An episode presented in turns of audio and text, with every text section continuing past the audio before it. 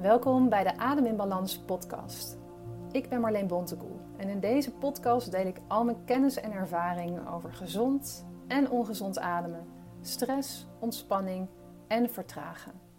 Veel luisterplezier. Wat leuk dat je weer luistert. De vorige aflevering had ik echt heel spontaan opgenomen. Dus ik dacht voordat ik meteen heel diep op de inhoud verder ga, dat het misschien wel leuk is als ik eerst iets meer vertel over waar mijn interesse in dit onderwerp eigenlijk vandaan komt. Uh, welke klachten ik heb ervaren en wat ik daar aan heb gedaan om daarvan af te komen. En uh, nou, hoe de training aan in balans eigenlijk is ontstaan. Ik kan me echt nog heel goed herinneren dat ik op een middag naar het theater was geweest. En ik zat in de auto terug, gelukkig op de bijrijderstoel. En ik had hele erge tintelingen. En dan had ik in die tijd wel vaker. En het begon altijd in mijn handen, mijn armen. Soms zat het ook aan mijn gezicht, in mijn buik, mijn bekken, soms in mijn benen. En nou ja, die tintelingen die werden zo erg dat mijn handen helemaal verkrampten. Die verkrampten zo erg dat ik zelfs op een gegeven moment mijn telefoon niet eens meer vast kon houden. Nou, ik had een hele leuke middag gehad, dus ik dacht, hoe kan dat? Maar blijkbaar had ik de hele middag onbewust zitten overademen. Overademen is als je meer lucht ademt dan goed voor je is. Dus je ademt heel veel lucht in. En al die lucht die je inademt moet er ook weer uit. En daardoor adem je eigenlijk te veel lucht uit, waardoor je te veel koolstofdioxide verliest. En dan ontstaat er in je lijf eigenlijk een overschot aan zuurstof en een tekort aan koolstofdioxide. Nou, die koolstofdioxide die is heel erg belangrijk omdat je lichaam zonder koolstofdioxide geen zuurstof op kan nemen. Dus ondanks het overschot aan zuurstof kan die zuurstof niet optimaal door de cellen opgenomen worden. Je lichaam gaat dat verlies aan koolstofdioxide beperken door bijvoorbeeld bloedvaten en luchtwegen te vernauwen. Nou, en dat is waar dan die tintelingen vandaan komen. En dat kan allerlei andere vervelende klachten veroorzaken.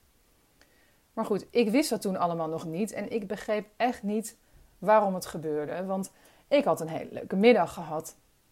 Later besefte ik dat ik stiekem die middag ook wel wat stress had ervaren. Want ik had mijn ouders getrakteerd op een middagje theater. Mijn moeder is slecht ter been. En uh, toen we daar aankwamen bleek dat de parkeergarage veel verder van het theater zat dan we dachten. En toen we in het theater aankwamen bleek ook nog eens dat de liften kapot waren. Dus ik voelde me heel erg verantwoordelijk. Uiteindelijk hebben we heel erg genoten van de voorstelling. Maar heb ik blijkbaar me toch ontzettend druk zitten maken. Zonder dat echt me daar heel erg bewust van uh, was op dat moment. Een andere klacht die ik in die tijd vaak had, was druk op mijn borst. En daarmee ook kortademigheid en ja, het gevoel dat mijn keel dichtgeknepen werd. En dat had ik eigenlijk vooral na een drukke werkdag en met veel overleg. En dan ademde ik super oppervlakkig en kon ik soms bijna niet eens meer praten, omdat ik gewoon voor mijn gevoel te weinig lucht had om er nog woorden uit te krijgen. Als je veel praat voor je beroep, dus als je veel overleg hebt of uh, je bent docent bijvoorbeeld, dan um, is het sowieso moeilijk om grip op je adem te houden. Dus je verliest door het praten heel veel koolstofdioxide, je verliest veel vocht. Um, je gaat al snel borstademen en daardoor gebruik je je ademspieren eigenlijk verkeerd om. Nou, we gebruiken om te kunnen ademen nou ja, eigenlijk ons hele lichaam. Maar vooral de spieren echt vanuit nou ja, ons, ons hoofd tot in ons bekken. En je kan grofweg een onderscheid maken tussen primaire en secundaire ademspieren. Primaire ademspier is bijvoorbeeld het middenrif. Dat, dat ken je wel, dat is onze belangrijkste ademspier. Die doet eigenlijk al het grote werk. En de secundaire ademspieren, dat zijn dat kleinere spieren. Bijvoorbeeld de kleinere borstspieren, de tussenribspiertjes bijvoorbeeld. En die werken ondersteunend eigenlijk. Dus die zijn niet bedoeld om het grote werk te doen. Ze kunnen wel heel sterk zijn, maar alleen in noodsituaties. Dus wanneer je in een beetje een soort fight or flight toestand zit, dan kunnen die uh, secundaire ademspieren kort heel krachtig zijn. Op het moment dat je dus stress hebt, en zeker in mijn voorbeeld, op het moment dat je het niet eens echt door hebt, hè, dus dan wordt het een beetje een soort van chronische stress zonder dat je het door hebt, dan kan je er ook niks aan doen. dan uh, ga je dus overademen. Maar vaak gebruik je dan dus ook je secundaire ademspier op een primaire manier. Dat is niet erg als dat even kort duurt, want daar zijn ze voor bedoeld. Maar als je zo blijft ademen, dan ben je dus die spieren aan het overbelasten. En dat zorgt voor heel veel spanning. Dus als je veel last hebt van je borst, van je schouders, van je nek. Bij mij ging het ook heel erg in mijn kaken zitten. Dan, dat is dus wat borstademen onder andere doet, is dat je je ademspieren daar overbelast.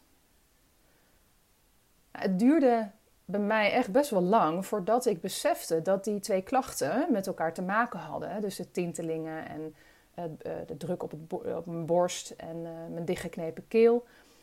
En dat dat dus te maken had met mijn manier van ademen. Ik heb heel lang gedacht dat die tintelingen bijvoorbeeld kwamen door wat ik had gegeten, of dat ik niet genoeg had gegeten, of te veel koffie had gedronken of zo. En ik dacht dat die kortademigheid en die dichtgeknepen keel kwamen doordat ik mijn stem verkeerd gebruikte. Dus ik had het bijvoorbeeld ook altijd in de kroeg. En ik dacht toen dat, mijn, dat ik mijn stem verkeerd gebruikte om over het geluid heen te komen. Maar nu weet ik dat ik van een drukke kroeg gewoon heel erg overprikkeld raak. En dat dat dus direct weerslag heeft op mijn ademhaling. En zeker toen, omdat toen mijn ademgewoontes ook al niet zo heel erg goed op orde waren. Ik heb zelfs even zangles gehad omdat ik had gehoord dat je daarin oefeningen doet die je ook bij een logopedist leert. En zangles leek me echt veel leuker dan logopedie. Maar ook dat was helaas geen oplossing. En ik bleek ook niet zoveel talent te hebben. Dus daar ben ik op een gegeven moment maar weer mee gestopt. Voor mij begon de oplossing toen ik erachter kwam dat er zoiets bestaat als chronische hyperventilatie. En dat mijn klachten dus daarmee te maken hadden. Ik dacht altijd dat hyperventilatie alleen maar in acute aanvallen kwam. En dat, dat, dat wist ik dan van bijvoorbeeld films waarbij je dan mensen in zo'n zak ziet ademen. Maar ik kwam er dus achter dat het ook chronisch kan zijn. En dat dat eigenlijk heel ander soort klachten, veel subtielere klachten met zich meebrengt. Dus ik ging op zoek naar een ademtherapeut. En dat was nog helemaal niet zo makkelijk. Ademcoaching was toen net heel erg in opkomst. En ik kwam terecht bij een ademcoach die mij was aangeraden. En dat was voor het eerst dat ik me realiseerde dat heel veel mensen eigenlijk geen idee hebben wat het verschil is tussen ademcoaching, uh, ademwerk, ademtherapie. Want ik dacht dus dat ik daar tips zou krijgen voor mijn hyperventilatie, want met die klacht kwam ik daar. Maar in plaats daarvan was het een ademsessie waarbij ik juist heel hard moest gaan hyperventileren. Nou, je kunt je wel een beetje voorstellen misschien wat er met mijn lijf gebeurde. Dat schoot zo erg in de verkramping dat het gewoon echt pijn deed. Nou, dat soort sessies die zeggen ook wat over jezelf. Deze sessie zei ook wat over mij. Je leert namelijk heel veel over jezelf als je in zo'n ademsessie ligt en over hoe je reageert op prikkels en op stress bijvoorbeeld. Komen allemaal emoties los en uh, dat kan heel waardevol zijn. Fysiek was het vreselijk, maar mentaal en emotioneel was het eigenlijk heel mooi. En er zullen ook ademwerkers zijn die zeggen dat je hiermee zelfs je adempatroon kan veranderen. Want uiteindelijk ontstaan veruit de meeste ademproblemen door hoe jij met prikkels omgaat. En je krijgt in zo'n sessie daar inzicht in. Maar ik was niet op zoek naar een sessie, hoe mooi het ook was. Ik zocht gewoon iemand die mij kon vertellen hoe ik normaal moest ademen. Want dat wist ik gewoon niet meer. En dat klinkt heel gek voor iets wat ons lichaam automatisch doet. Maar ik weet inmiddels ook dat dit helaas voor echt heel veel mensen herkenbaar is. En ik kwam dus ook achter dat heel veel ademcoaches eigenlijk het ook niet zo goed weten. Ik ben zelf opgeleid als yogadocent, dus ik weet van alles over de adem. Want pranayama, dat is de yoga-ademhaling, speelt een hele belangrijke rol in de opleidingen. Ook in mijn lessen. Maar ook in de yoga-opleidingen leer je niet hoe je nou normaal gewoon ademt. Je leert vooral de kracht van de adem kennen. Ik heb heel veel rondgevraagd, maar wij, werd elke keer pranayama of verbonden ademen of Wim Hof aangeraden. En als ik dan vroeg hoe kom ik nou van mijn chronische hyperventilatie af, dan, dan kon niemand me eigenlijk antwoord geven. Ik deed dus al veel aan stressvermindering en ontspanning. Ik deed kalmerende ademoefeningen. Ik heb echt ontzettend veel innerlijk werk gedaan veel coaching gehad en daar heb ik heel veel baat bij gehad. Maar ik kwam maar niet van mijn ademproblemen af. Tot ik conscious breathing ontdekte. Dat is het bedrijf van Anders Olsen. Dat is een zweet die echt ontzettend veel verstand heeft van hoe ademen nou eigenlijk werkt. En ik heb bij hem de instructor course gedaan. En via die methode merkte ik voor het eerst eindelijk verbetering in die klachten. En het allerfijnst misschien wel was dat ik eindelijk ook snapte waarom het me nou eerder niet was gelukt. Ik vertelde aan het begin van de aflevering al even over de uitwisseling tussen zuurstof en koolstofdioxide. Dat koolstofdioxide in het hele ademproces zo belangrijk is, werd ontdekt door Dr. Buteyko, dat is een Oekraïense arts, al in de jaren 50. En hij heeft met name heel veel studies gedaan met astmapatiënten. En daardoor is Buteyko hier ook in het Westen een stuk bekender geworden. Conscious breathing is gebaseerd op de Buteyko-methode. En ik ben me daar ook verder in gaan verdiepen en uiteindelijk ook in opgeleid. Nou, waarom ik met die kalmerende ademoefeningen niet verder kwam, was omdat ik met al die jaren overademen, zonder dat ik me daar bewust van was, eigenlijk mijn ademsysteem had geleerd dat het meer lucht nodig had dan goed voor me was. Daarom ademde ik chronisch eigenlijk te veel koolstofdioxide uit, waardoor op den duur mijn lichaam overgevoelig werd voor koolstofdioxide. En dat is ook waarom je vroeger bij zo'n hyperventilatieaanval in een zak moest ademen. Ik heb begrepen dat dat inmiddels wat achterhaald is. Maar dat is dus zodat je niet te veel lucht kan ademen. Want daar hou je het hyperventileren alleen maar mee in stand. Maar ook om die koolstofdioxide die je kwijtraakt eigenlijk weer terug in te ademen. Je wil natuurlijk liever niet uitgeademde lucht inademen, want er zitten ook allerlei afvalstoffen in. Maar dat is dus wel een manier om uit een aanval te komen. Dus om je lichaam weer koolstofdioxide te geven. Dat is het, de wetenschap daarachter. En het mooie van onze adem is dat het een automatisch proces is, maar dat we het ook kunnen beïnvloeden. Het is het enige of een van de weinige processen in ons lichaam die automatisch is, die we ook kunnen beïnvloeden. Bedenk maar, je ademt de hele tijd in en uit. Terwijl je aan het luisteren bent nu naar deze aflevering, ben je aan het ademen zonder dat je er hopelijk bij nadenkt. Maar je kunt er nu wel voor kiezen om sneller of langzamer te gaan ademen, bijvoorbeeld. Als je maar lang genoeg op een bepaalde manier ademt, dan pas je lichaam zich daar uiteindelijk op aan. En dat kan dus tot blijvend ongezonde ademgewoontes leiden, waar je jezelf dus niet bewust van bent, maar waar je wel echt heel veel last van kan hebben. Het goede nieuws is dat je dat proces dus ook weer kunt omdraaien. Dus je kunt je adem heel goed trainen. Daar is wel wat voor nodig. Maar dat is dus wat je doet in mijn training Adem in Balans. En die is gebaseerd op conscious breathing en Buteyko. En pranayama en hartcoherentie passeren ook de revue. En ik heb mijn eigen training ontwikkeld omdat ik daarin het beste van twee werelden kan combineren. dus conscious breathing is eigenlijk wat milder. Dat zit wat meer op het adembewustzijn en het aanleren van nieuwe gewoontes. En Buteyko die richt zich echt meer op het herstellen van die overgevoeligheid voor koolstofdioxide.